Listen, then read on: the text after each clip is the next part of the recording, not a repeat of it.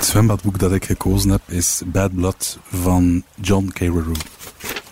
Het boek gaat over de opkomst en val van uh, Terranos. Een bedrijf, intussen bestaat het niet meer, in Silicon Valley dat zich richtte op één bloedprik. En dan kon men eigenlijk met een revolutionaire machine tientallen ziektes eigenlijk gaan detecteren. Wat eigenlijk een revolutie zou betekenen in de medische wereld. Alleen de oprichter van het bedrijf, Elizabeth Holmes, die wel eens de vrouwelijke Steve Jobs werd gedoopt, na enkele jaren eigenlijk bleek ze gewoon oplichter te zijn.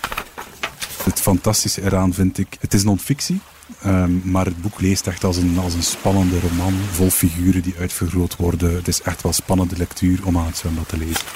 De eerste zin is Tim Kemp had good news for Steam.